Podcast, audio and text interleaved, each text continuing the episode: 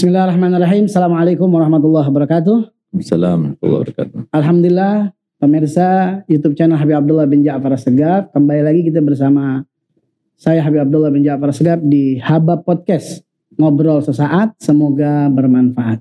Pemirsa, kali ini saya kedatangan luar biasa, tamu istimewa, guru tercinta.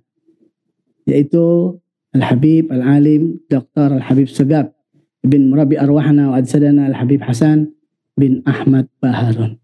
Kepala Habib Khair. Alhamdulillah sehat walafiat. Alhamdulillah. Terima kasih banyak Habib sudah datang ke gubuk kami ke podcast. Mudah-mudahan antum tambah panjang umur, sehat selalu. Alhamdulillah. Emang kita di antara misi kami adalah uh, mengunjungi mereka-mereka yang punya kiprah dakwah yang luar biasa, terobosan-terobosan luar biasa dan antum termasuk salah satunya dan semoga antum panjang umur sehat walafiat. Amin amin amin. Sebelum kita panjang lebar kepada Habib Segap, kita akan sedikit kasih tahu kepada antum semuanya. Saya juga akan mengucapkan terima kasih banyak. Yang alhamdulillah kita tahu dua hari yang lalu Darul Lugawa Dakwah mengadakan Haul Akbar yang ke-24. Luar biasa. Acaranya spektakuler. Ya, kita dengar juga dari sambutan Ketua Masjid uh, Istiqlal Profesor Nazarudin beliau mengatakan kurang lebih hampir satu juta bahkan ya. Yang terlihat itu 500 ribu umat. Tapi kalau keluar-luar itu hampir satu juta umat hadir pada malam hari itu. Luar biasa. Saya ucapkan jazakallah khair dan saya ucapkan luar biasa mabruk kepada semua putra-putra guru tercinta kami dan semua yang mana uh, membantu daripada acara itu dari alumni dan lain sebagainya Alhamdulillah, mudah-mudahan tidak hanya sekali, doakan mudah-mudahan terus, ya, Amin, terus amin. setiap tahun, setiap tahun. Pemirsa, sebelum kita tanya banyak kepada guru kita Ustadz Segaf, kita dengar juga tuh, ya di acara itu Ustadz Segaf eh, dalam sambutannya mengatakan beberapa, beberapa kali beliau bersumpah, ya, bersumpah menerangkan tentang umi atau ibunda beliau yang luar biasa, ya, Hmm. sehingga dengan kalau kita lihat daripada pembicaraan beliau bahwa terjadinya putra-putra guru kita tercinta Habib Hasan bin Ahmad Baharun seperti ini pondoknya di mana-mana beliau juga sekarang rektor dan lain sebagainya ini diberkati ummi berkat ibunda yang beliau sumpah tidak pernah mendengar perselisihan terhadap suaminya. Selalu support dalam dakwahnya. Nah kita akan kulik tuh bagaimana sih cerita yang sebenarnya Beb karena sesuai dengan tema nih Betul. wanita solehah daripada yaitu sumber dari segala keberkahan. Itu bagaimana Beb? Kita biar semua tahu nih eh, tentang Umi Antum atau Hubabah. Yang melatar belakangi ini semuanya adalah eh, Nabi kita Muhammad SAW adalah seorang nabi. Sebagai nabi yang terbaik dalam memberikan nasihat dan petunjuk. Sebagai nabi yang memang Allah kasih mandat untuk mengetahui segala macam misteri kehidupan di dunia. Dan segala macam tata cara yang dengannya maka semua harapan kita akan terlaksana. Itu sudah dijelaskan semua oleh Nabi kita Muhammad SAW. Dan di antara yang disampaikan oleh Nabi kita Muhammad SAW untuk membentuk suatu keluarga. Yang kemudian keluarga itu yang disebutkan di dalam beberapa surat di Al-Quran. Ya seperti surat Maryam, ya surat Toha dan sebagainya. Itu semuanya adalah eh, sebuah cerminan daripada keluarga-keluarga yang berhasil. Di mana letak keberhasilan dan tonggak keberhasilan dan unsur utama daripada suatu kesuksesan dan keberhasilan suatu keluarga itu adalah di dalam diri sosok seorang istri yang solehah yang kemudian menjadi ibu dari anak-anak yang soleh dan solehah serta nenek daripada anak cucu yang soleh dan solehah dan begitu seterusnya.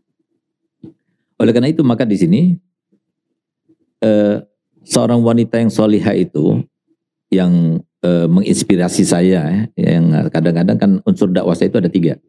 Apa yang selalu saya terapkan di dalam dakwah kami baik itu di dalam seminar maupun di dalam uh, tablik akbar dan sebagainya begitu pula dalam pengajian yang pertama kita harus membawa uh, sesuatu yang pasti yaitu al hadis dan juga Al Quran itu sesuatu yang pasti jadi artinya pastikan kalau sudah itu Al Quran hadis nggak mungkin salah nggak mungkin luput ah, nggak- bukan sebuah eksperimen bukan sebuah eh, sesuatu yang ada kemungkinan mungkin benar, mungkin salah, tidak ada. Jadi pasti benar. Dalil, tidak ada Ya. dalil, nasnya. Ah, dan itu itu harus ada. Yang pertama kita harus bawa itu Al-Qur'an maupun hadis.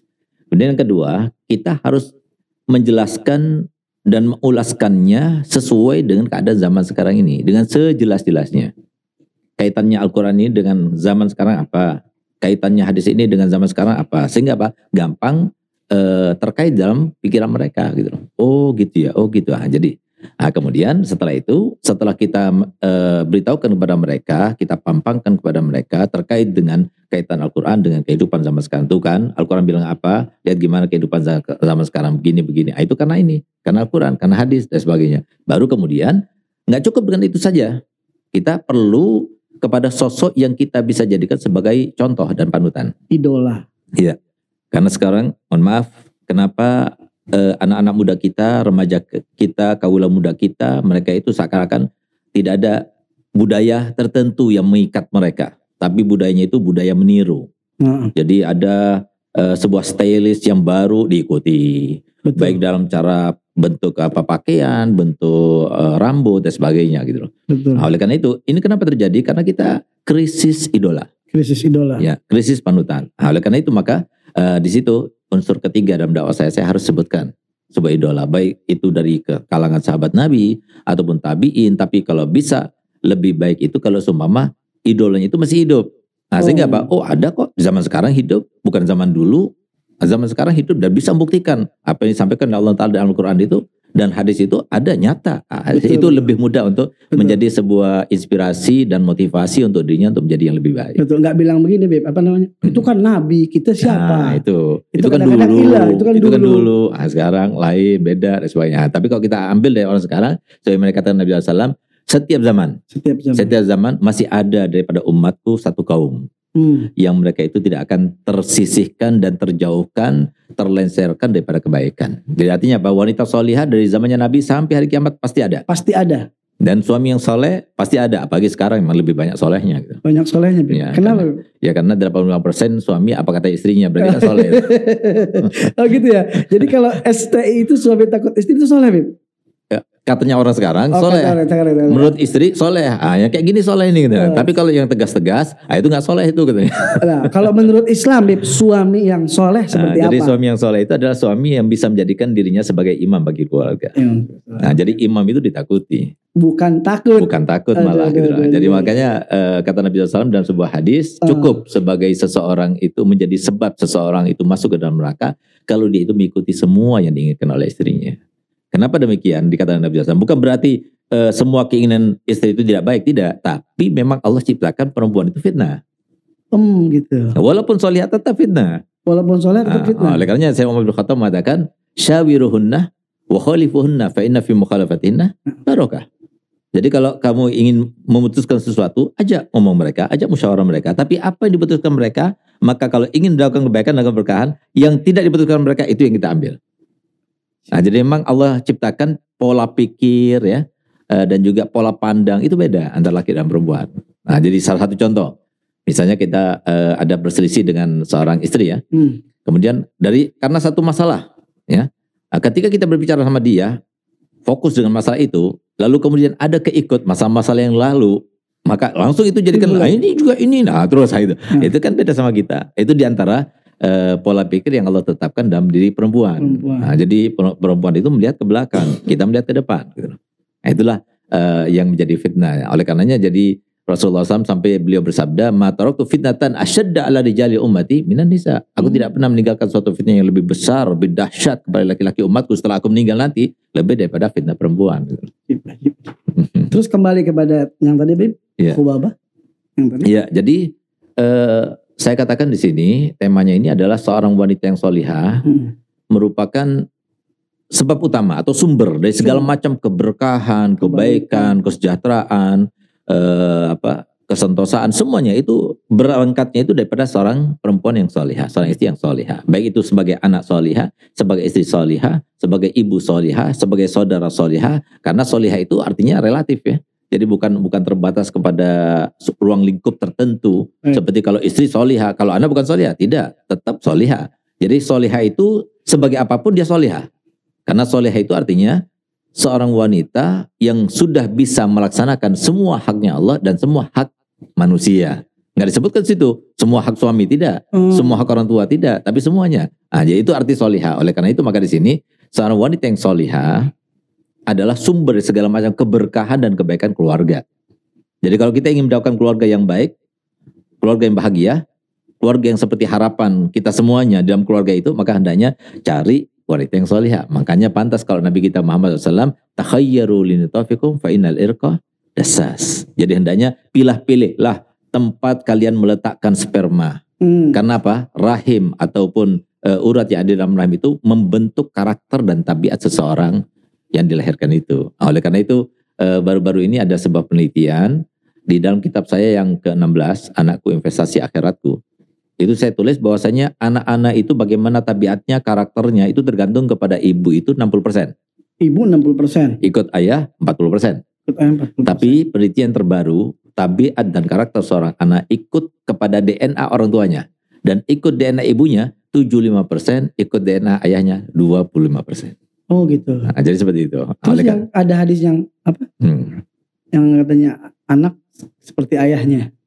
Nah, Man syabahahu famadolam. Ah, iya. Nah, jadi man syabahahu famadolam itu berarti apa? Kalau dia itu bisa menyerupai ayahnya, Ah. biasanya umumnya ayah yang soleh. Oh gitu. Nah, kemudian menularkan kesalahannya kepada istri yang soleha, anak-anak yang soleh dan soleha. Sehingga kalau seumpama anak itu meniru ayahnya, lebih condong dan cenderung kepada sifat ayahnya, berarti dia itu famadolam. Jadi artinya nggak jauh beda. Karena apa? Pendidikan itu di tangan ayah.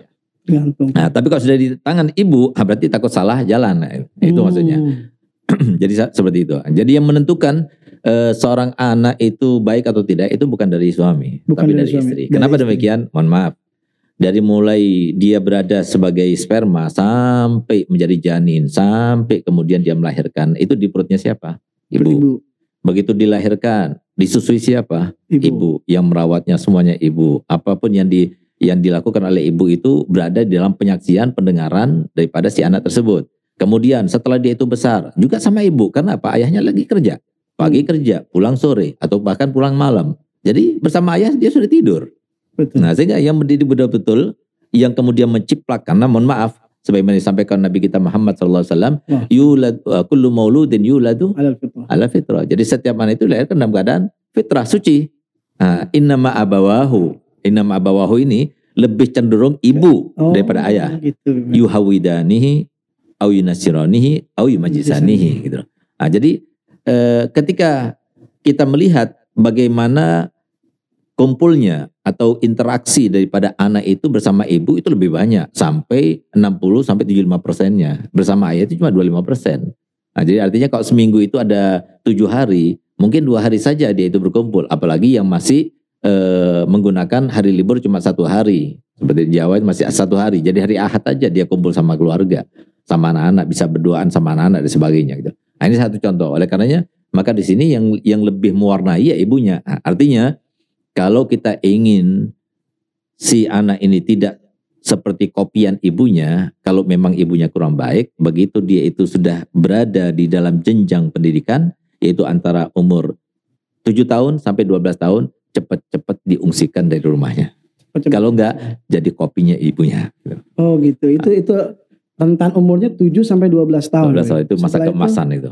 Harus dididik apa gimana? Nah, gitu? jadi serahkan kepada pesantren, Hmm. Nah, jadi serahkan pada seorang yang eh, mumpuni untuk mendidik dia. Kalau tidak, maka karena namanya anak ya, dia bersih. Apa pun yang dilihat dari ibunya itu adalah oh itu benar ya, oh benar. Makanya kan eh, diajarkan Nabi SAW kalau kita itu ingin eh, mendidik anak sesuai dengan diri Nabi, maka didikan anak sesuai diri Nabi ini akan menjadi anak yang sangat unggul, luar biasa gitu. Di antaranya kita nggak boleh memerintahkan sesuatu perintah yang sifatnya itu mewajibkan kecuali setelah umur 6 atau 7 tahun. Hmm. Kemudian kita nggak boleh memukul atau melakukan kekerasan yang menakuti menakuti si anak itu kecuali setelah berumur 9 tahun atau 10 tahun. Nah, itu kan ajaran yang sangat luar biasa. Yang setelah direnungkan, kemudian setelah diteliti dan sebagainya ternyata memang kalau seumpama anak itu dipukul sebelum umur 9 tahun itu akan menyebabkan banyak hal. Nah, di antaranya adalah trauma. pemukulan itu akan terbersit dan tertanam dalam jiwa anak itu. Sehingga apa? Yang dilakukan orang tua itu dianggap benar. Semuanya benar. Hmm. Sehingga kalau semua dia itu melakukan seperti yang dilakukan oleh orang tuanya, ketika dia itu seperti itu juga, kepada temannya dan sebagainya. Dia Benar. dia menganggap itu tidak salah. Eh, Dia anggap benar, itu sudah sangat melekat dalam pikiran dia. Itu bahayanya. Nah, dia melihat ibunya sering melihat TikTok, akhirnya dia melihat TikTok nggak apa-apa gitu loh. Karena Ataupun iya karena dia benar ya. Memang TikTok bukan semuanya salah, tapi TikTok TikTok yang bagus, yang akun-akun yang eh, dakwah nggak jadi masalah. Tapi yang lainnya yang mengumbar hawa nafsu dan sebagainya itu kan nggak baik bagi benar. eh, bagi anak-anak kecil. Nah, itu kan karena i- ayahnya, ibunya suka melihat yang joget-joget begitu dan sebagainya, maka dianggap ini boleh. Ini nggak apa-apa. Gitu. Buktinya ayahku Hmm. orang yang paling saya kagumi, orang yang paling saya ber- ber- berhutang budi kepadanya, orang yang paling saya banggakan dan sebagainya, dia mengatakan ini sesuatu yang boleh kok, dia biasa saja. Ah, jadi eh, dari situ, jadi kenapa faktor orang tua itu sangat berperan di dalam eh, suksesnya seorang anak itu. Ya masya Allah, masya Allah. Beb, ini masuk banyak pertanyaan-pertanyaan sekarang Beb. Iya. Apa, Beb, ya? Ya, silakan. Tapi tetap masih masih apa namanya seputar daripada apa, wanita yang soleha. Hmm. Dari Nada, Assalamualaikum Habib, bolehkah kami dengar cerita bagaimana cara ibunda Habib Segaf dalam mendidik Habib hingga bisa seperti sekarang ini? Kemudian apa tarbiyah yang penting dipelajari oleh seorang perempuan agar menjadi perempuan yang soleha dan madrasah yang baik untuk anak-anaknya? Jazakallah khair. Dari Nada nih. Eh, Saudari Nada, jadi pertanyaan bagus ya, mewakili para wanita semuanya. Nah, jadi eh, saya punya ibu adalah contoh yang sudah bisa menerapkan bagaimana pola pendidikan yang diajarkan oleh Nabi kita Muhammad SAW. Karena Nabi SAW tidak pernah membiarkan suatu hal, unsur dan aspek kehidupan maupun kesuksesan di dalam kehidupan ini kecuali sudah diajarkan oleh Nabi SAW. Di antaranya adalah atibu auladakum ala salati hisol, ala hubbi nabiyikum, wala hubbi ali baiti wala tilawatil Quran. Ah, itu benar-benar diterapkan oleh saya punya eh, ibu. Nah, oleh karena itu maka eh, saya punya ibu adalah wanita atau manusia pertama yang mengajarkan kami cara berwudu. Hmm. Dan itu setelah sebelum berumur 6 tahun. Ibu kami adalah orang yang pertama yang mengajarkan saya bagaimana melaksanakan sholat yang benar, ibu saya. Ibu saya pertama kali yang mengajarkan ikra, itu ibu saya. Hmm. Sampai saya menghatamkan Quran pertama kali pada umur Alhamdulillah 6 tahun saya hatam Quran pertama kali. Ibu saya yang mengajarkannya. Bukan ayah saya, bukan pada guru yang lainnya. Kenapa? Karena ibu semacam ibu saya ini betul-betul mencari kesempatan eh, apa kecerdasan yang dia yang yang yang dia dapatkan daripada Allah Taala sebagaimana dikatakan Nabi SAW al kaisu mandana nafsahu amila lima ba'dal maut yang namanya orang cerdas itu adalah orang yang selalu menghitung-hitung apa yang dilakukannya dan tidak melakukan sesuatu kecuali detik dengan akhiratnya ini adalah sebuah kesempatan kalau seumpama dari mulai umur 6 tahun saya itu bisa baca Quran Kemudian mulai umur 6 tahun saya itu bisa melaksanakan sholat dengan lima waktu. Dan Alhamdulillah mulai umur 6 tahun saya sudah sholat jamaah. Nah itu semua didikan daripada saya punya ibu. Sampai sekarang Alhamdulillah saya ingat saya, saya nggak pernah sholat sendirian. Jadi kalau saya sholat sendirian nggak ada temannya, saya cari-cari sampai dapat. Dan jadi kalau semua saya uh, sholat sendirian, seakan-akan saya melakukan dosa besar. Kepikiran sampai berhari-hari. Kenapa? Karena ibu ibu kami menanamkan seperti itu. Nah, sehingga kami tidak biasa untuk sholat eh, nggak pakai songkok, terus nggak pakai rapi, itu nggak- susah sekali saya kayak, kayak begitu. Nah, jadi nggak pakai songkok saja, insya Allah nggak pernah gitu. Nah ini salah satu contoh. Hmm. Kenapa? Karena didikan daripada orang tua. Nah, sehingga eh, apa yang diinginkan orientasi daripada ibu saya melaksanakan itu semuanya. Ah, Sekarang bayangkan, saya sudah umur 40 sekian. Hmm. Berarti setiap saya baca Quran, setiap saya dakwah dan sebagainya, karena Quran itu adalah ajaran daripada ibu saya, maka setiap saya baca eh, Al-Quran tersebut langsung mengalir pahalanya kepada ibu saya. Berapa dia dapatkan? Luar biasa. Setiap sholat berapa dia dapatkan? Nah, ini salah satu contoh. Jadi ibu, seorang ibu yang betul-betul menggunakan kesempatannya sebagai seorang ibu adalah orang seorang ibu yang betul-betul mendidik anaknya supaya menjadi seorang anak yang soleh. Gitu. Masya Allah. Nah, Masya jadi seperti itu. Kemudian eh, pola pendidikan yang terbaik itu sebagaimana diterapkan oleh saya punya ibu adalah yang pertama kali kita harus tanamkan cinta kepada Nabi SAW. Itu adalah unsur yang paling utama. Kalau sudah cinta pada Nabi Muhammad SAW, maka semuanya itu jadi mudah. Yang sulit pun jadi mudah. Yang tadinya menjadi rintangan tidak anggap lagi sebagai rintangan. Berapapun energi yang dikeluarkan, dia akan siap untuk melaksanakan. Karena apa? Cinta kepada Nabi kita Muhammad SAW. Sebagaimana, hal itu terjadi kepada sahabat-sahabat Nabi yang oleh eh, sahabiyah sahabiyah itu dididik anak itu untuk cinta pada Nabi Muhammad. Di antaranya adalah Ummu Sulaim, yaitu ibu daripada sahabat Anas bin Malik. Allah. Di mana beliau ini dari semenjak kecil karena Ummu, Ummu Sulaim itu adalah bukan orang kampungnya. Jadi ketika Nabi SAW datang ke Madinah, maka sahabat-sahabat yang ada di Madinah itu berlomba-lomba datang untuk memberikan sesuatu kepada Nabi SAW. Yang bisa ngasih uang, kasih uang, bisa ngasih perhiasan, ngasih perhiasan, semuanya. Itu karena cinta mereka kepada Nabi Muhammad SAW. Muslim gak punya apa-apa. Sehingga apa? Yang dia rasa dia punya itu adalah Sayyidina Anas bin Malik ini. Sehingga dari mulai umur 6 tahun itu bisa diserahkan ya Rasulullah. Aku gak punya apa-apa kecuali anak ini. Hmm. Aku serahkan kepada kamu di siang hari untuk melayani kamu. Apa pun yang kamu butuhkan tinggal kamu perintahkan dia. Subhanallah. Jadi di sepanjang hari itu kalau uh, di pagi itu sudah bersama Nabi sampai selama 10 tahun. Tapi lihat bagaimana kata sahabat Anas, ya, ternyata perintahnya Nabi kepada saya dan perintahku serta pelayananku kepada Nabi lebih banyak daripada pelayananku kepada Nabi Muhammad SAW. Harusnya kan sebaliknya. Ya? Harusnya sebaliknya. sebaliknya. Ini ini kenapa dididik seperti itu oleh Muslim? Ah, karena supaya mendidik anaknya itu cinta pada Nabi Muhammad. Hmm. Nah, kemudian cinta kepada keluarga Nabi Muhammad. Kenapa? Ah, sekarang kan banyak habaib ya. hmm, ya, uh, di mana di rumah-rumah kita ter selalu terkaitkan dengan Habib Hasan bin Ja'far, Nur Mustafa, iya. Habib Munzir, Musawa, Rahimallah, Rahmatullah Abrar, Habib Jindan, dan lain hmm. sebagainya. Nah, itu penting sekali. Kenapa? Karena kalau sudah kita cinta pada sesuatu, maka yang lainnya itu akan terkurangi. Hmm. Hati itu kan satu. Ya. Betul. Ya. Hati itu satu. Kemudian apa yang ada di dalam hati kita masukkan. Cinta itu kan sesu memasukkan sesuatu energi dalam hati kita. Sehingga kalau sudah kita penuhi dengan energi tertentu, maka energi yang lain nggak bisa masuk. Betul. Nah itu, jadi kalau sudah kita cinta pada keluarga Nabi SAW, kenapa kok keluarga Nabi yang disebutkan? Apakah Nabi Nabi, Nabi SAW itu melakukan KKN? Tidak. Mereka ini para zuriat Nabi mendapatkan kemuliaan daripada Nabi SAW bukan karena mereka, tapi karena Nabi SAW. Karena di dalam diri mereka itulah keter, uh, kesinambungan daripada rahmatnya Nabi SAW itu masih tetap kepada umatnya sampai hari kiamat. Oleh karenanya kenapa mereka itu mulia dan kenapa mereka itu dikaitkan dengan hidayah Nabi SAW sampai Nabi SAW memerintahkan kita untuk cinta pada zuriat Nabi karena mereka itu sudah terproteksi dengan doanya Nabi. Artinya kalau sama saya bertanya, kira-kira kalau Nabi SAW doa dikabulkan nggak? Oh pastinya dikabulkan. Ah, pastinya dikabulkan kan? Semuanya pasti akan berkata begitu. Pasti Unsurnya itu. apa pun, ormas apa pun pasti akan berkata begitu kan? Nabi SAW sudah mendoakan mereka. Doanya seperti apa? Di antaranya adalah Allah maj'alhum mafatihar rahmah. Waj'al al-sinatahum ma'adin al-hikmah fa innahum layadkhulukum fi babi dalalah wa lam yukhrijukum an babi huda. Hmm, itu kata Nabi SAW. Ya Allah, jadikanlah di mana di mana saja mereka berada menjadi kunci-kunci tempat turunnya rahmat. Dan ya Allah, jadikanlah lidah mereka itu sebagai sumber-sumber kata mutiara hikmah. Sesungguhnya, nah ini kata Nabi Muhammad, sesungguhnya mereka, mereka itu pada sisi tiga. Nah, makanya ya, ini bisa ya. dibuktikan ya. ya ini bisa dibuktikan.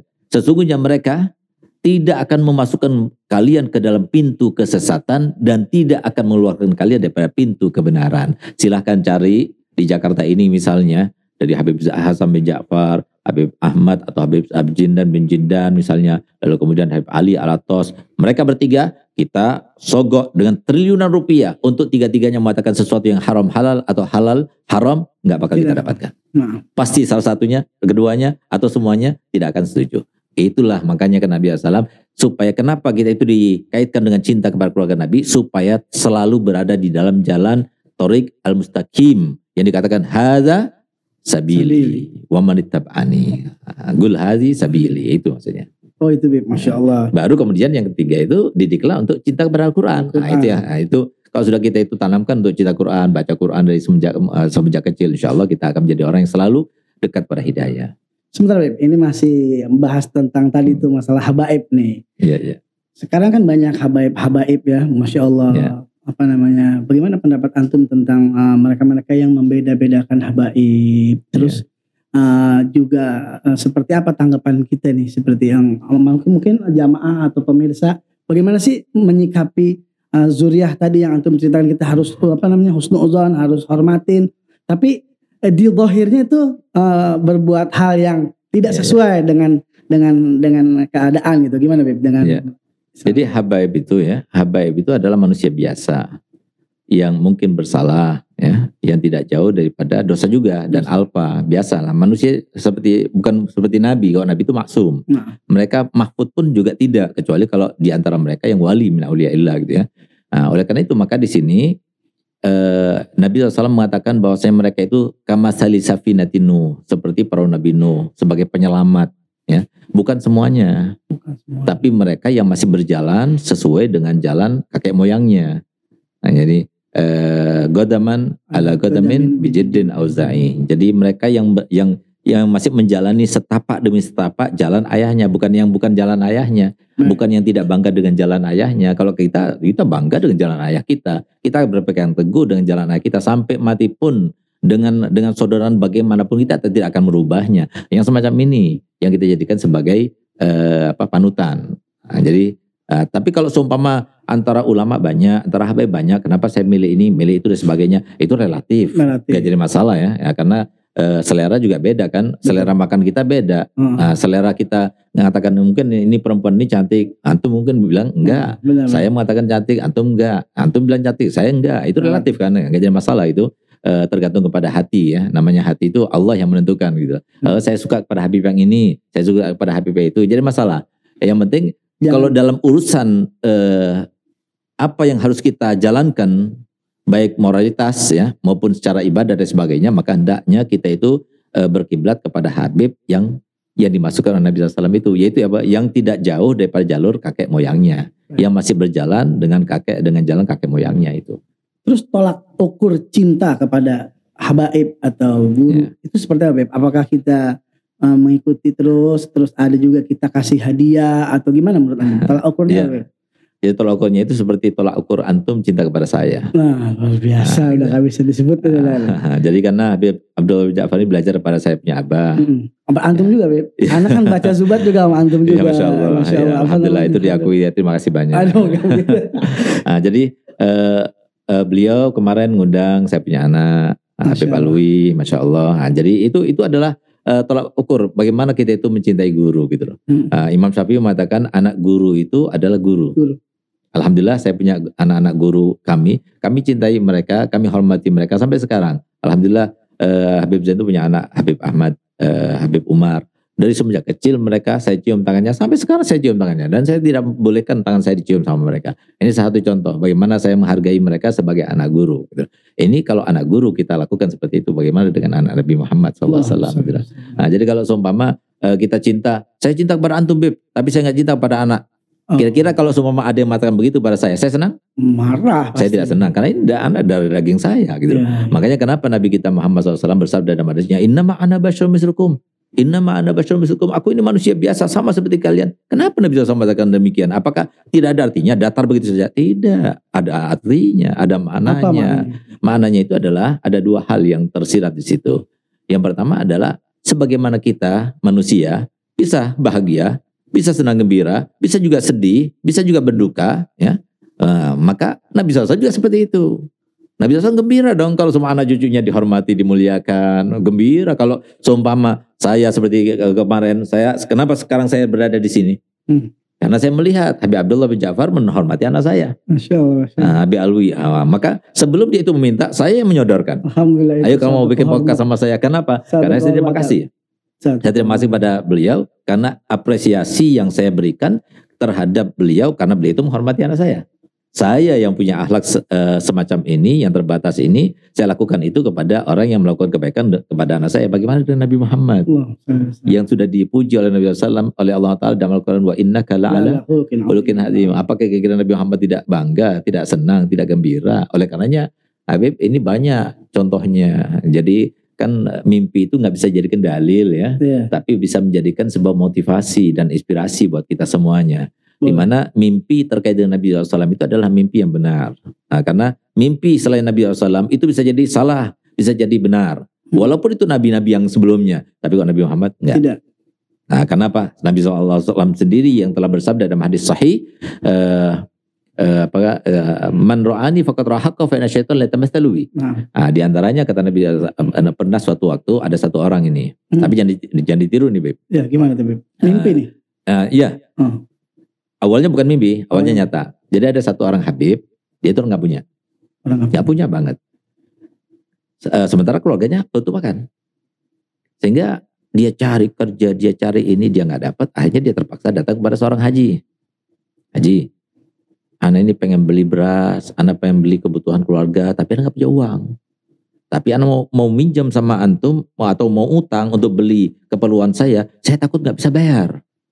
Ah ya, artinya ini jangan ditiru ya. Jangan ini cuma cuma contoh dan memang ini Habib betulan. Jadi bukan bukan memang terpaksa betul gitu. Mau kaji. Saya beli barang-barang kamu itu dengan kertas ini. Apa itu Bib? Dibaca. Ternyata apa tertulis itu? Hutang kepada kakekku Nabi Muhammad SAW. Ya merhaba Bib, cium. Ciumnya, taruh. Nanti datang lagi, taruh. Datang lagi, taruh. Sampai begitu mulai banyak, ah, istrinya. Ya biasalah ya, karena Iya, setan iya. itu kadang-kadang kalau nggak datang dari kita, ya datang dari istri gitu. Iya iya iya. Istrinya malah dirongrong sama setan. Eh Hmm. kamu itu dibodoh-bodohin. Kamu ditipu dan sebagainya.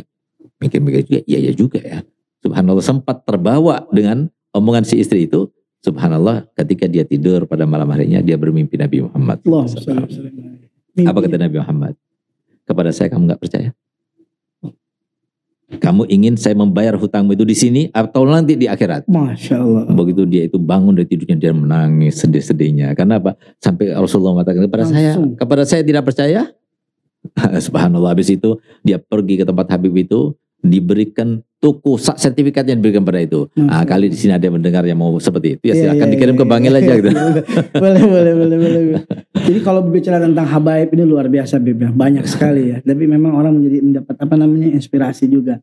Terus Bib kalau ada juga yang tanya kan dari banyak orang habaib atau kayak Ustad itu kalau kasih ceramah di Jakarta Ya, khususnya ya, kan ya.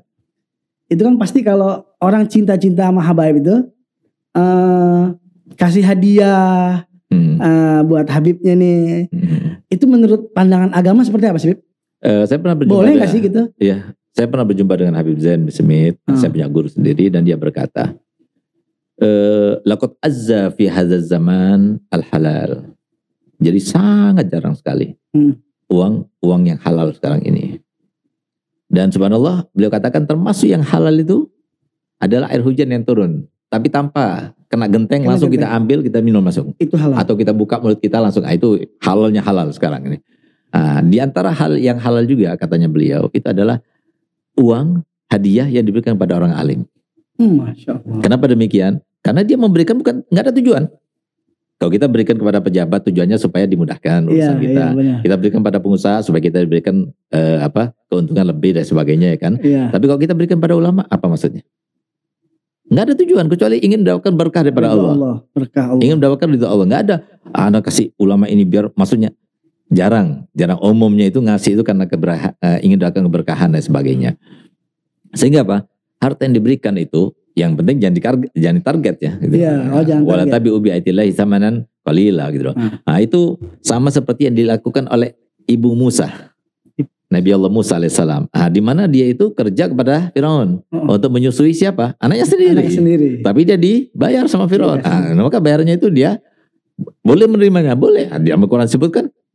Iya, iya. Nah, jadi waktu dia dakwah nggak ada maksud untuk mengambil untuk mencari uang tidak, tapi dia nggak ke mana-mana. Subhanallah dia dikasih uang dan sebagainya, atau dia datang ada satu orang datang pada ulama lalu diberikan hadiah dan sebagainya, itu termasuk harta yang paling halal. Makanya dikatakan kalau kamu datang ke rumah ulama, maka hendaknya makanlah daripada makanannya. Nah, itulah mereka mengatakan madaduna. Fito amina. Jadi pemberian kami itu berada di dalam makan-makanan kami. Karena apa? Makan-makan mereka itu termasuk daripada makanan yang halal. Ya, karena makanan yang halal itu fungsinya banyak. Dan di antara fungsi yang terbesar adalah kalau makan halal itu kita makan menjadi obat bagi penyakit kita. Baik penyakit dohir atau penyakit batin. Nah, tapi kalau bisa jangan cuma makan, kita gak cari gantinya juga, gitu, kasih gantinya. Iya, Ya, iya, harusnya iya. seperti itu. Dan yang demikian itu berlandaskan kepada sebuah ayah, ya Oh, ada. yang ada ayatnya, ada dalilnya.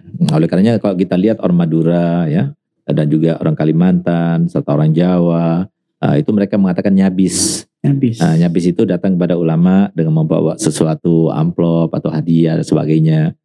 Begitu pula eh, orang Jawa bilang sowan. Nah, Sowan. mau sowan ke kiai ah, gitu. Sowan itu ya sama seperti itu. Jadi datang kepada kiai, dia bawa hadiah dan sebagainya ya.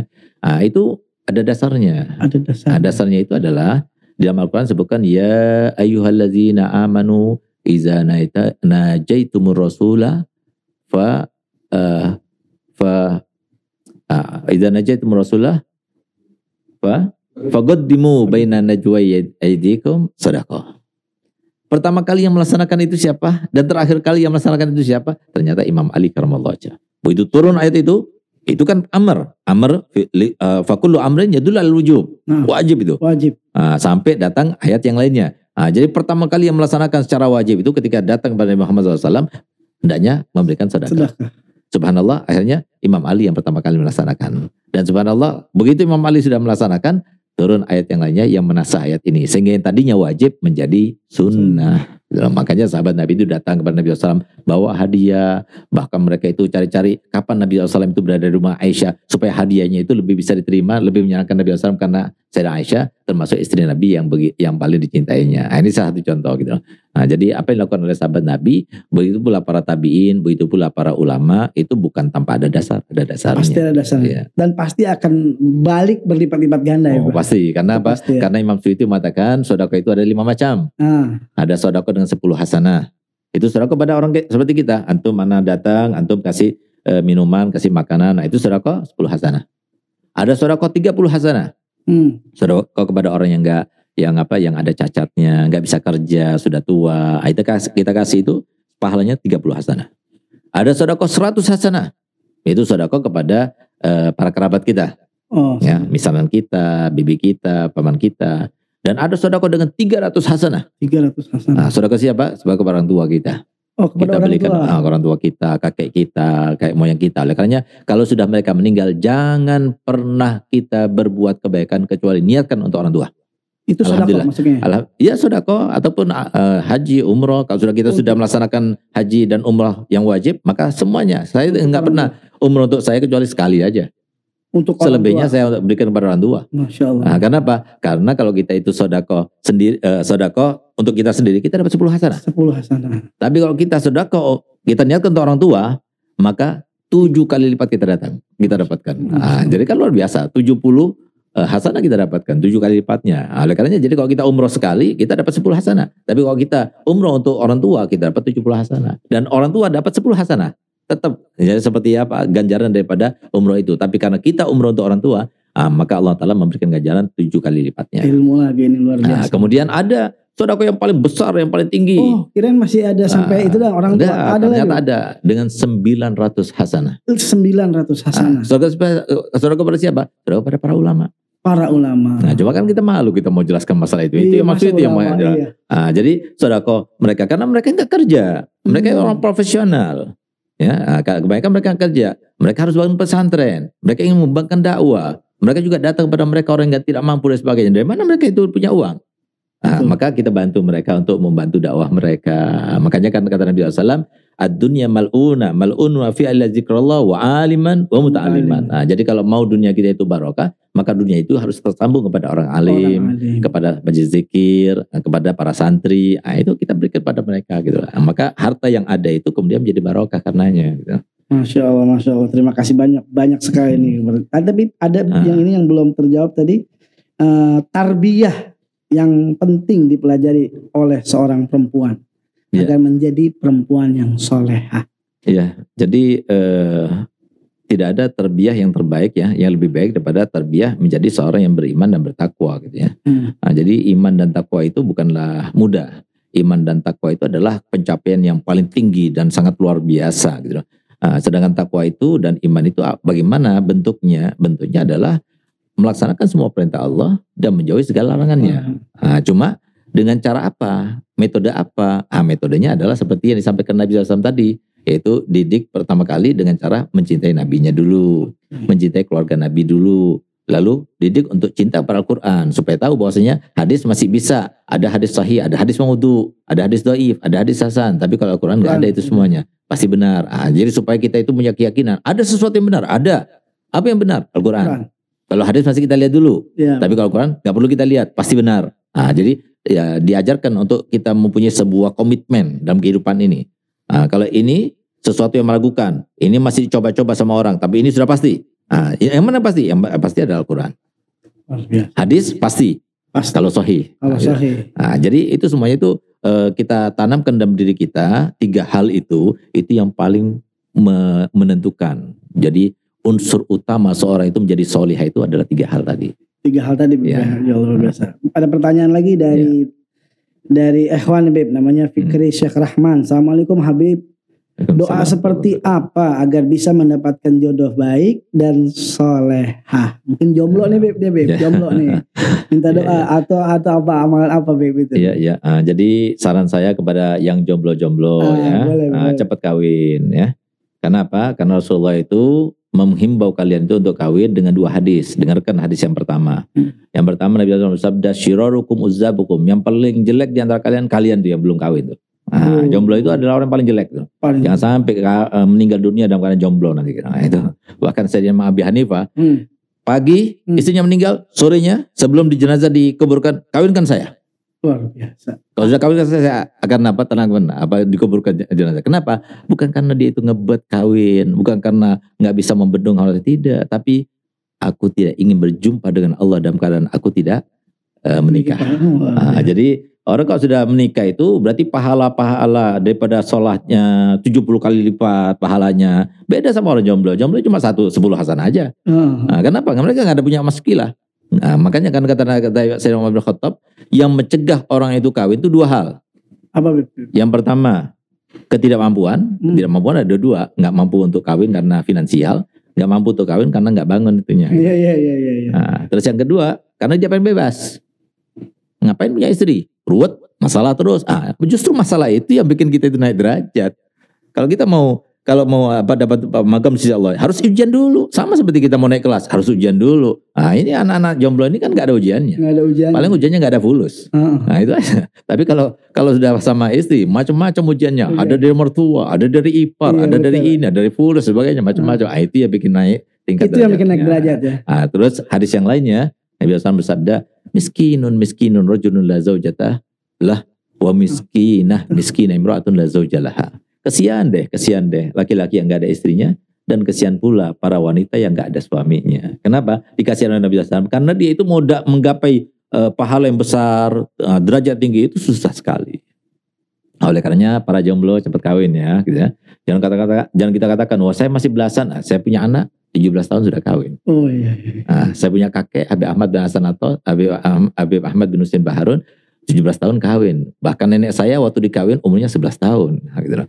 Nah, yang penting bukan karena eh, besarnya hawa nafsu tidak, tapi takut sampai si anak itu keburu jatuh ke dalam perbuatan zina. Nauzubillah. Kata Nabi SAW, al imanu sirbalun yusarbiluhu man sya'a fi qalbi ibadi. Yang namanya iman itu adalah sebuah pakaian yang digunakan dalam hati seseorang yang dikehendaki Allah Taala daripada hambanya. Fa idza zanal abdu au syaribal khamra nuzi al nuzi asribal iman min qalbi.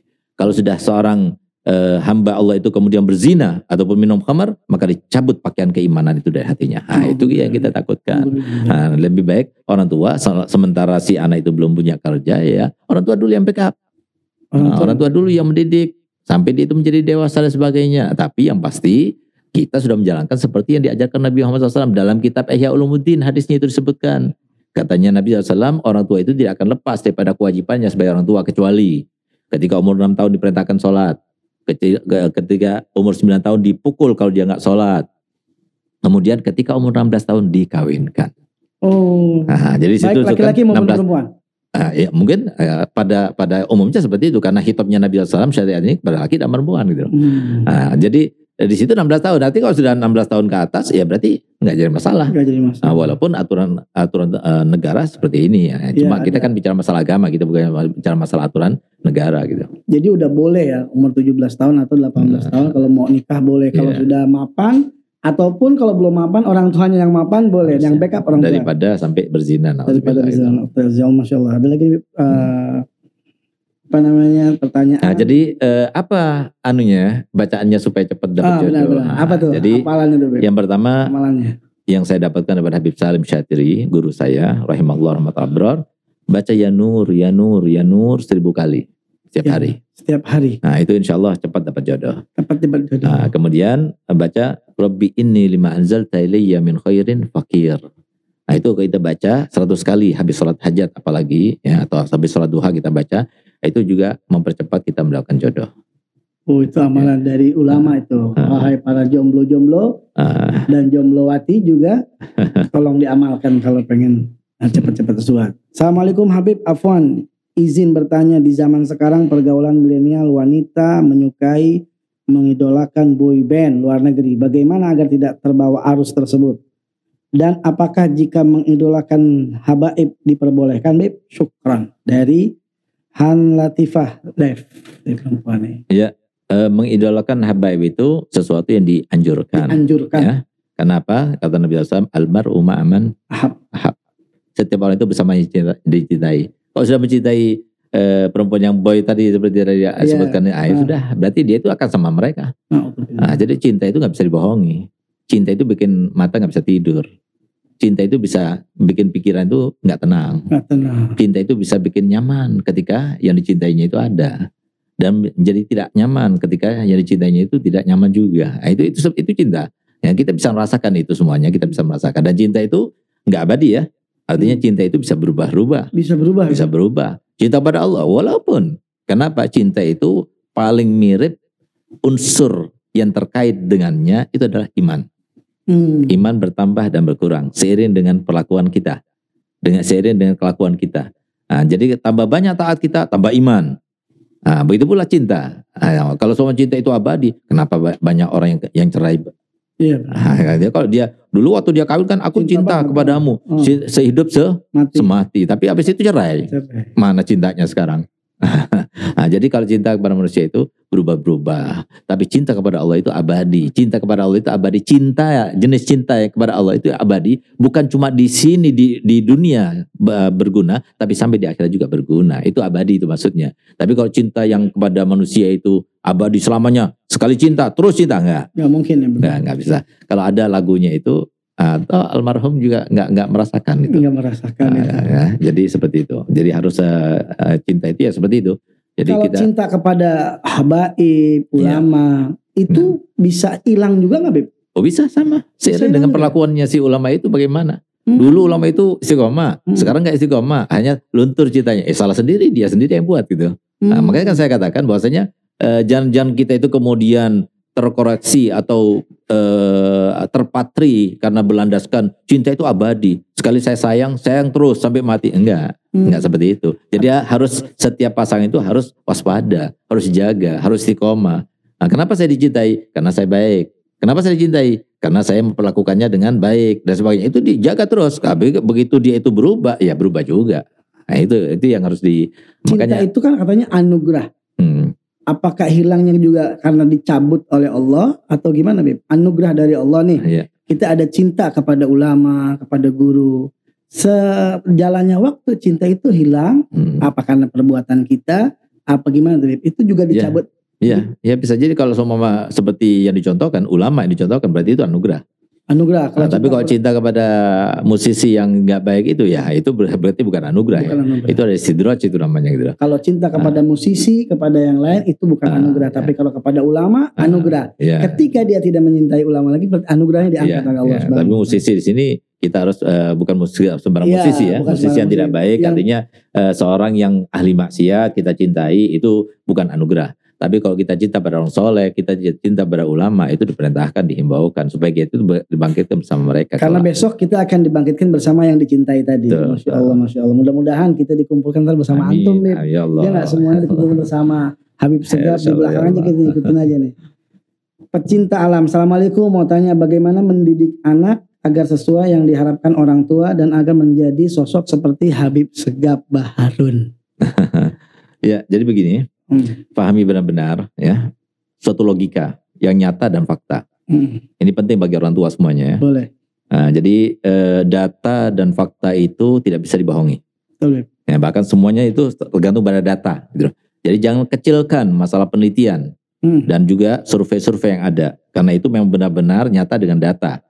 Nah, asalkan bukan bikinan ya, kalau bikinan beda lagi tuh. Nah, jadi eh, data-data itu sudah menjelaskan kepada kita yang namanya eh, orang-orang yang soleh itu tidak mungkin menjadi soleh kecuali karena ilmu. Ilmu. Oleh karenanya coba lihat di dalam Al-Quran disebutkan kan ayat menjelaskan tentang bagaimana cara hidup di dunia dalam keadaan nyaman ada dan apa yang kita dapatkan di dunia tidak sesuai dengan harapan kita itu juga karena sebab sesuatu ada juga di dalam Al-Quran disebutkan nah, jadi sebetulnya kita cukup mengingat dua ayat saja dalam Al-Quran yang menjadi motivasi kita untuk menjadi yang mana kita terserah Hmm. yang pertama man amila solihan min zakarin aw unsa wa huwa mu'minun falanuhyiyannahu hayatan thayyibah. Barang siapa yang beramal soleh, laki maupun perempuan, asalkan dilandasi dan keimanan, maka kami akan berikan kehidupan yang sangat menyamankan, nyaman di dunia, nyaman di barzah, nyaman ketika di akhir umurnya, nyaman di akhirat, nyaman di mahsyar, nyaman sampai lewat sirot, nyaman, sampai lewat sirot pun nyaman, sampai di surga nyaman. Nah itu siapa mereka? Bagi mereka laki maupun perempuan nggak dibedakan, laki perempuan sama saja, asalkan dia itu beramal soleh, tapi dilandasi dan keimanan. Ini yang banyak nggak paham. Siapa mukmin? Oh, mukmin itu seperti Abi Abdullah nih, yang pakai imamah, Ya, ya. yang pakai gamis, pakai jubah. Nggak salah. Yang namanya iman itu bukan materi. Betul. Yang namanya iman itu bukan label. Yang namanya iman itu adalah sebuah pencapaian. Yang mana pencapaian itu harus capek, harus diusahakan. Yang namanya iman itu adalah wahwa mukminun itu artinya orang yang berpengetahuan.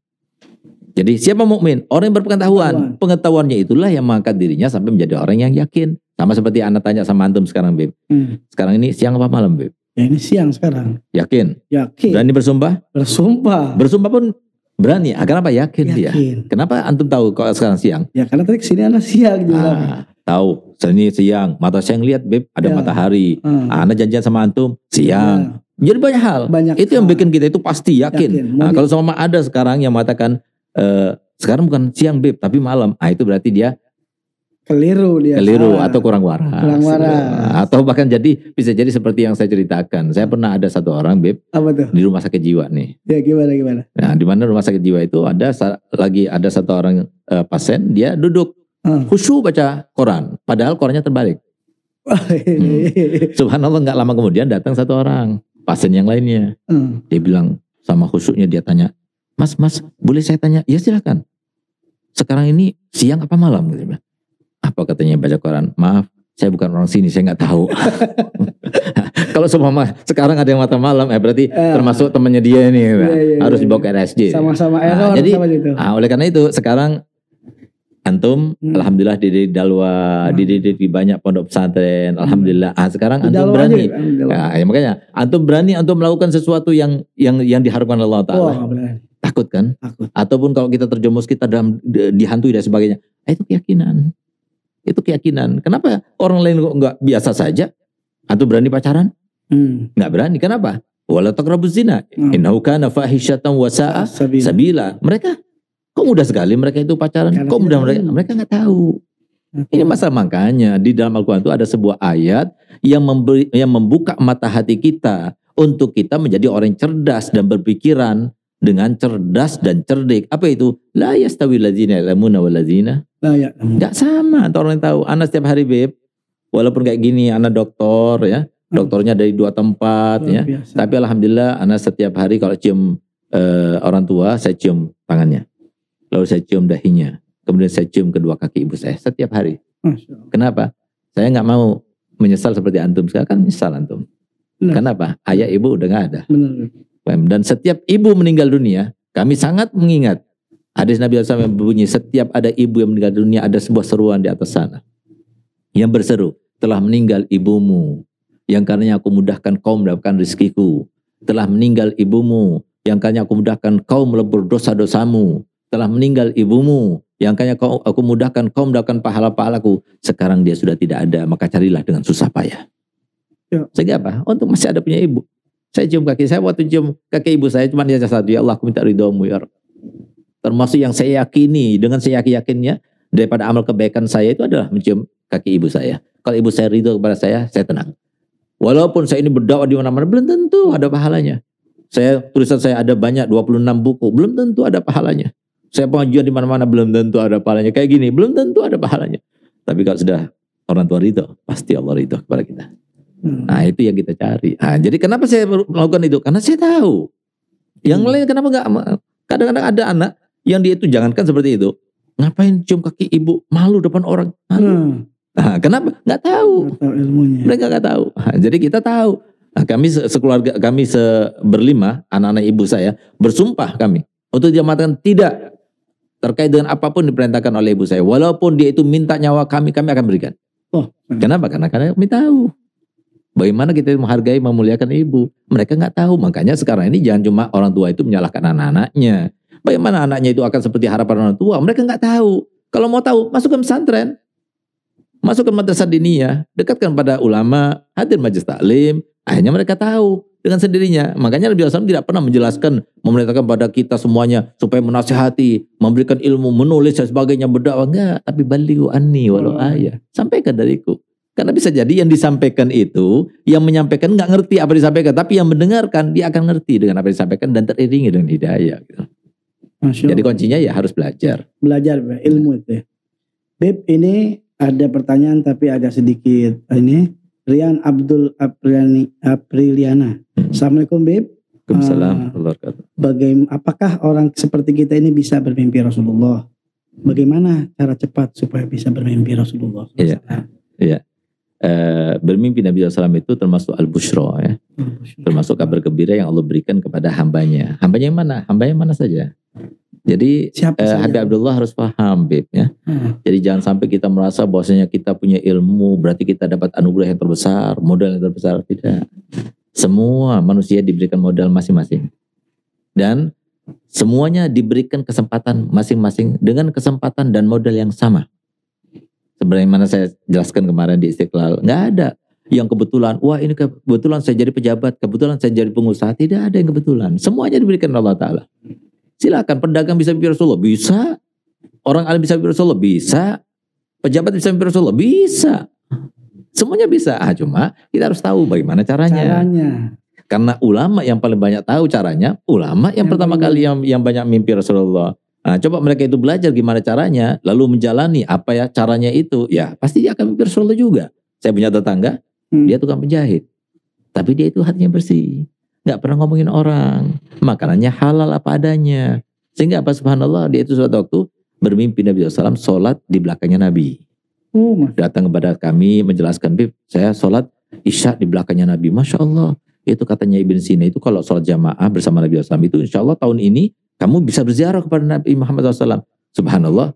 Ternyata dia bukan sholat sendirian, tapi satu orang lagi yang sholat bersama Nabi SAW di belakang itu. Dia ceritakan pada temannya itu. Ternyata temannya itu orang kaya. Subhanallah orang kaya itu berkata begini, tahun ini saya berangkatkan kamu haji. Subhanallah. Coba lihat. Biasa. Dia orang biasa. Tapi dia nggak pernah ngotori hatinya, nggak ngomongin orang, nggak mau fonis orang. Nggak usah lah kita itu mau fonis orang. Yang yang ada itu, sebagaimana abah saya mengajarkan kepada kami, anak-anaknya, jangan pernah fonis orang urusan orang antara dia sama Allah Taala kecuali yang terkait sama kita ya. Hmm. sesuatu yang hak kita harus jelaskan hak yang batil kita katakan batil. Tapi untuk mengatakan orang ini loh ini orang ini nggak bisa. Nggak bisa kita nggak bisa seperti itu. Nah oleh karena itu nah kenapa? Karena Nabi Muhammad sudah menjelaskan dengan sejelas-jelasnya fa innal umura kullaha bikhawatimiha. Setiap orang itu ditentukan bukan di awalnya, bukan di pertengahannya, tapi ditentukan di akhirnya. Cukup kita itu belajar pada iblis. Dia itu pernah beribadah selama 184 ribu tahun. Bukan 70 tahun, bukan 60 tahun. Itu 184 ribu tahun. Nggak ada orang eh, apa makhluk Allah yang lebih alim daripada iblis pada saat itu. Sehingga setiap malaikat kalau sudah ketemu dengan iblis, dia akan kembali kepada rekan-rekannya sebagaimana kalau Nabi SAW dalam keadaan bangganya luar biasa karena berjumpa dengan makhluk Allah yang paling banyak ibadahnya, yang paling banyak ilmunya. Tapi bagaimana keadaannya sekarang? Dikutuk oleh Allah Ta'ala. Nah, kita belum, belum, belum seperti iblis dulunya. Nah, apakah nggak mungkin Allah Ta'ala akan mengutuk kita? Nauzubillah. Nah, jadi ya, harus kita itu waspada kepada kita, jangan kita merasa aman, jangan, jangan kita merasa lebih baik daripada satu orang pun di muka bumi ini. Gitu ya. Jadi caranya seperti apa? Belum disebut tadi. Cara bermimpi Rasulullah. Satu uh, hati jaga. Jadi yang pertama jaga hati, jaga mata. Jaga mata. Kenapa? Karena mata ini adalah penglihatan tohir dan hati itu adalah penglihatan batin. Hmm. Sedangkan kita melihat Nabi SAW itu melalui batin. Hmm. Nah, tapi batin itu nggak mungkin tanpa ada alama. Alamanya itu dengan dohir ini. Alamatul batin adalah dohir. Nah oleh karena itu maka kata Ali Habsyi saya belum maulid. Hmm. Kalau ada orang baca salawat tertentu, baca doa tertentu, baca e, melaksanakan riadah-riadah tertentu, tujuannya untuk bermimpi Nabi SAW, kok nggak mimpi Nabi SAW? Bukan nabinya yang jahat, nabinya tidak mau, tapi nabinya itu sudah kadung sifatnya itu raufun rahim. rahim. Sehingga kalau sumpah kata kata Ali Habsyi, kalau dipaksakan dia dalam keadaan dia nggak siap, nah persiapan itu dari kebersihan hati dan juga mata ini bersih daripada segala macam maksiat yang terkait dengan mata. Maka niscaya badan kita ketika melihat Nabi yang ber- yang berupa cahaya itu akan hancur berkeping-keping. Justru karena Nabi SAW berlaku rahim, tidak. Jangan dulu dah. Nah, Ya. kemudian kalau kita baca-baca sesuatu dan sebagainya, jangan harapan kita, tujuan kita supaya Nabi Muhammad SAW datang. Yang jasakan dia itu adalah pembantu kita dan sebagainya. Jangan. Tapi kita itu berharap ya Allah semoga aku dicintai oleh Nabi Muhammad dengan salawatku. Kalau Nabi SAW mau datang, ya Alhamdulillah. Jadi nggak usah disyaratkan. Kalau semua Nabi, ah, saya baca salawat untuk supaya Nabi Muhammad SAW datang dan mimpiku. Nggak usah. Kita dekatkan Nabi Muhammad. Laksanakan semua akhlaknya Nabi Muhammad. Nah, jadikan himmahnya dia itu semangatnya Nabi Muhammad. Semangatnya Nabi Muhammad cuma satu. Apa itu? Dakwah ilallah. Hmm. Semua orang harus berubah. Siapa pun dia harus berubah. Semuanya disayang oleh Allah Ta'ala dan Nabi Muhammad SAW. Harusnya seperti itu gitu. Beb. Beb, berarti ada amalan-amalan juga kan Beb untuk Iya. melihat melihat apa eh, memimpi Rasulullah. Mm-mm. Eh, boleh nggak di, di share di sini Beb amalan dari sholawat yang Iya, mungkin ya boleh. Saya, saya ingat juga kan saya dapat eh, juga Hmm. eh, ijazah dari antum salawat Hmm. busro juga Iya, mungkin iya, bisa di share di sini kepada jamaah dan diijazahkan Beb salat Iya. busro dan ceritanya dulu Beb seperti Iya. apa Beb? Iya, jadi eh, salawat busra itu memang di antara eh, zikir yang cepat untuk bermimpi Nabi SAW. ya. Karena eh, banyak anak-anak yang buktikan di pondok. Jadi bergantian bermimpi Nabi Masya SAW. Karena mereka itu istiqomah membaca salawat busra. Diniatkan eh, untuk bermimpi Nabi SAW. ya. Nah, jadi salawat busra itu adalah salawat yang diimpikan oleh salah satu putra abah saya. Hmm. Tahun 2016, tepatnya pada malam 10 Muharram. Subhanallah, begitu dia itu bermimpi, diajarkan salawat, ditalkinkan salawat oleh Nabi SAW, begitu bangun, langsung hafal. Ketika dia bangun, dia melihat jam tepat pukul 2 malam. Dan subhanallah, semerbak bau gahru, dan bau gahru itu nggak hilang kecuali setelah tiga hari tiga malam. Kata Nabi SAW dalam mimpinya, barang siapa yang baca salawat bersua ini, sebanyak 41 kali. Habis sholat subuh sama seperti khasiatnya orang yang baca yasin sebanyak 41 kali dalam mengkabulkan hajat, mudahkan urusan, melapangkan segala kesulitan, menggapai segala harapan, dan menghindarkan diri pada hal-hal yang melakukan dan mengkhawatirkan. Mujarab sekali luar biasa. Sekali. Jadi untuk hajat paling tidak kalau kita sudah baca selama tiga bulan, hati kita enak, tenang, gitu. Sa- Sama seperti eh, salawatnya itu namanya salawat bushro, salawat kebahagiaan, Kebahagiaan. salawat kabar gembira. Nama salawat busro itu juga dari Rasulullah katanya. Iya. Luar Nah, biasa. jadi karena Rasulullah kan mengatakan, barang saya baca salawat bushro, gitu. Oh, Berarti iya, kan benar, Nabi. SAW yang beri nama.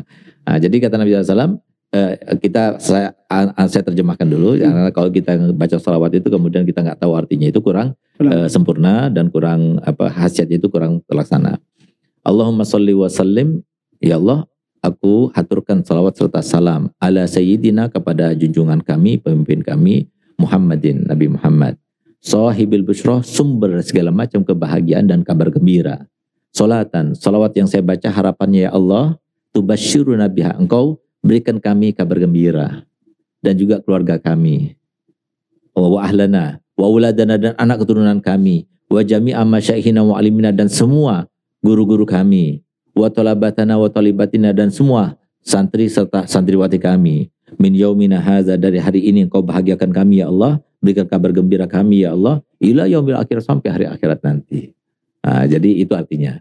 Jadi sekali lagi saya akan bacakan kemudian antum yang mengikutinya secara live Ah, atau boleh. secara delay saya berikan ijazah. Kan ini sholatnya Nabi SAW Ditalkin Beb ya? Sedikit-sedikit gitu Bang. boleh Bismillahirrahmanirrahim Bismillahirrahmanirrahim. Allahumma salli wa sallim Allahumma salli wa sallim ala sayyidina Muhammadin ala sayyidina Muhammadin sahibil bushra sahibil bushra salatan salatan tubashiruna biha tubashiruna biha wa ahlana wa ahlana wa auladana wa auladana wa jami'a masyaikhina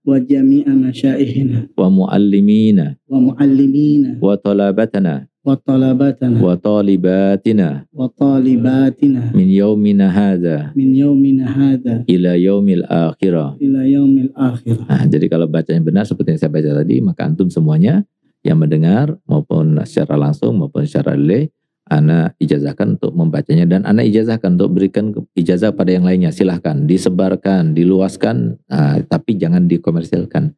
Takut ketulak salawatnya Nabi. Ayo sama-sama kita jawab. Saya terima ijazahnya Habib. Saya terima ijazahnya Habib. Alhamdulillah jazakallah khair manfaat luar biasa. Tidak terasa udah hampir satu jam Habib. Kita berbicara sebenarnya masih banyak pertanyaan-pertanyaan baru sedikit sudah satu jam. Terakhir Beb nanti sebelum Ya, nanti antum kasih ada mau ucapan selamat. Terakhir Beb ada yang minta eh, apa namanya bertanya bagaimana cara mendidik istri yang soleha di tahun 2022 ini, Bib. istri yang soleha. Iya, jadi begini ya. Eh, seorang istri yang soliha itu adalah seorang yang tahu dengan haknya Allah dan hak-haknya manusia. Artinya apa? Jelas kalau suami itu nggak tahu, maka dia nggak bakal jadi soliha. Nah, Iya. oleh karenanya jadi pahami dengan mudah kata-kata itu. Artinya kalau dia nggak tahu, dia nggak bakal jadi soliha. Nah, supaya jadi soliha, dia harus tahu. Ah, taunya bagaimana? Di mana kita akan dapatkan pengetahuan itu? Nah, taunya itu harus melalui para ustadz, para dai, para ulama, di lembaga-lembaga pesantren dan sebagainya. Itu dijelaskan di situ. Nah, baru dia itu tahu. Ketika dia tahu, maka wajar dong kalau dia itu menjadi orang yang eh, mengantisipasi, menjauhi apa yang dilarang oleh Allah Taala karena dia tahu. Nah, sama seperti eh, contoh yang sangat mudah itu, saya punya air di sini disediakan, walaupun di sini nggak disediakan, tapi di bawah Iya, iya. disediakan. nah ini air saya bubuhkan racun misalnya. Ah. Antum lihat racun nih. Nah, kemudian anak pergi, antum minum air itu? Tidak lah, karena tahu dibubuhkan racun itu. Ah, racun. Ah, itulah orang yang tahu sama orang yang nggak tahu lah beda. Beda. Nah, jadi paling tidak orang yang tahu itu ya, kalau dia itu melakukan kesalahan pun, dia sudah tahu itu racun tapi tetap diminum, dia terhantui. Ya jangan aku mati, aku sudah minum racun. Nah, jadi itu ada. Tapi kalau orang nggak tahu sama sekali, seperti sekarang ini wanita-wanita sekarang jadi istri, dia nggak tahu haknya suami apa, nggak tahu. Ya, nggak boleh ngangkat suara di atas suami, nggak boleh dia itu eh, yang biasanya tersenyum kemudian cemberut, itu kan dilarang oleh Nabi SAW. Hmm. Nggak boleh sampai membantah perkataan suami kalau itu selama tidak eh, bukan perintah untuk maksiat dan sebagainya. Nah itu mana mereka tahu? Sehingga ketika mereka itu melakukan itu, mereka nggak paham kalau itu adalah sebuah salah. Nah, kan, nah, Hmm. jadi kan beda kan sama orang yang melakukan suatu kesalahan tapi dia tahu itu Tahu, salah. salah. Sama orang yang melakukan kesalahan dia tak tahu kalau itu salah. Bisa jadi dia itu merasa benar. Masa benar. Nah itu itu masalahnya. Nah kalau sudah eh, terbangun rumah tangga dengan cara seperti itu, bagaimana kemudian akan melahirkan seorang anak yang soleh dan Soleh, soleha soleh. gitu. Ya, Ya, seperti itu. Ya mudah-mudahan uh, semuanya tercerahkan. Mudah-mudahan kita pada pagi hari ini dan yang nonton juga di mana saja berada bisa juga menjadi wanita-wanita soleh khususnya juga bisa ikut kajian Habib kali Bib ya Ya, di live bisa Bib di jam berapa biasanya Ya? Live? jadi biasanya kita ada Kalau- pengajian tuh ya setiap dua minggu sekali hari Ahad Hmm, pagi dari jam 5 sampai jam setengah tujuh. jam 5 pagi Ya. sampai jam setengah tujuh. Nah, kemudian setiap hari Selasa pagi setengah enam sampai jam 6, hari Kamis juga pagi jam setengah enam sampai jam 6 itu di eh, pondok pesantren eh, Dalwa ya itu baca kitab Ta'lim Muta'lim sama kitab eh, Bidayatul Hidayatul Talibin. Kemudian kita juga punya kajian pada Ahad malam Hmm. atau Rabu malam. Jadi Ahad malam atau Rabu malam. Ah, itu itu kita live-kan di IG kami Instagram. uh, Talim Ustadz Segap Baharun atau di YouTube kami Ustadz Segap Baharun. Baik, jadi mudah-mudahan bisa bisa apa namanya eh, bisa kita nonton dan ikut kajiannya langsung. Insya Allah sanatnya nyambung Bib, walaupun jauh ya Bib. Amin ya Rab. Ya. Mudah-mudahan misalnya mereka yang di mana di Papua apa di mana nonton Insya. Allah, Insya Allah karena eh, kemurahan Allah Taala. Kalau saya sendiri, Ah. bukan saya yang menentukan, Ah. ya, eh, saya merasa ini kemudahan itu adalah anugerah daripada Allah. Taala. Sehingga apa? Yang tadinya kita tidak bisa berjumpa, bisa bisa berjumpa dengan live. Eh, Insya Allah, walaupun bukan secara offline, tapi secara online, tapi Insya Allah pahalanya tidak jauh daripada offline gitu. Terima kasih banyak Habib. Jazakallah khair Ustaz. Terima kasih. Mudah-mudahan tambah berkah. Mungkin sebenarnya masih mau lama, tapi memang waktu juga yang memisahkan kita. Jazakallah khair pemirsa semuanya di mana saja berada. Mudah-mudahan kita ketemu lagi lain waktu. Assalamualaikum warahmatullahi wabarakatuh. Waalaikumsalam warahmatullahi wabarakatuh.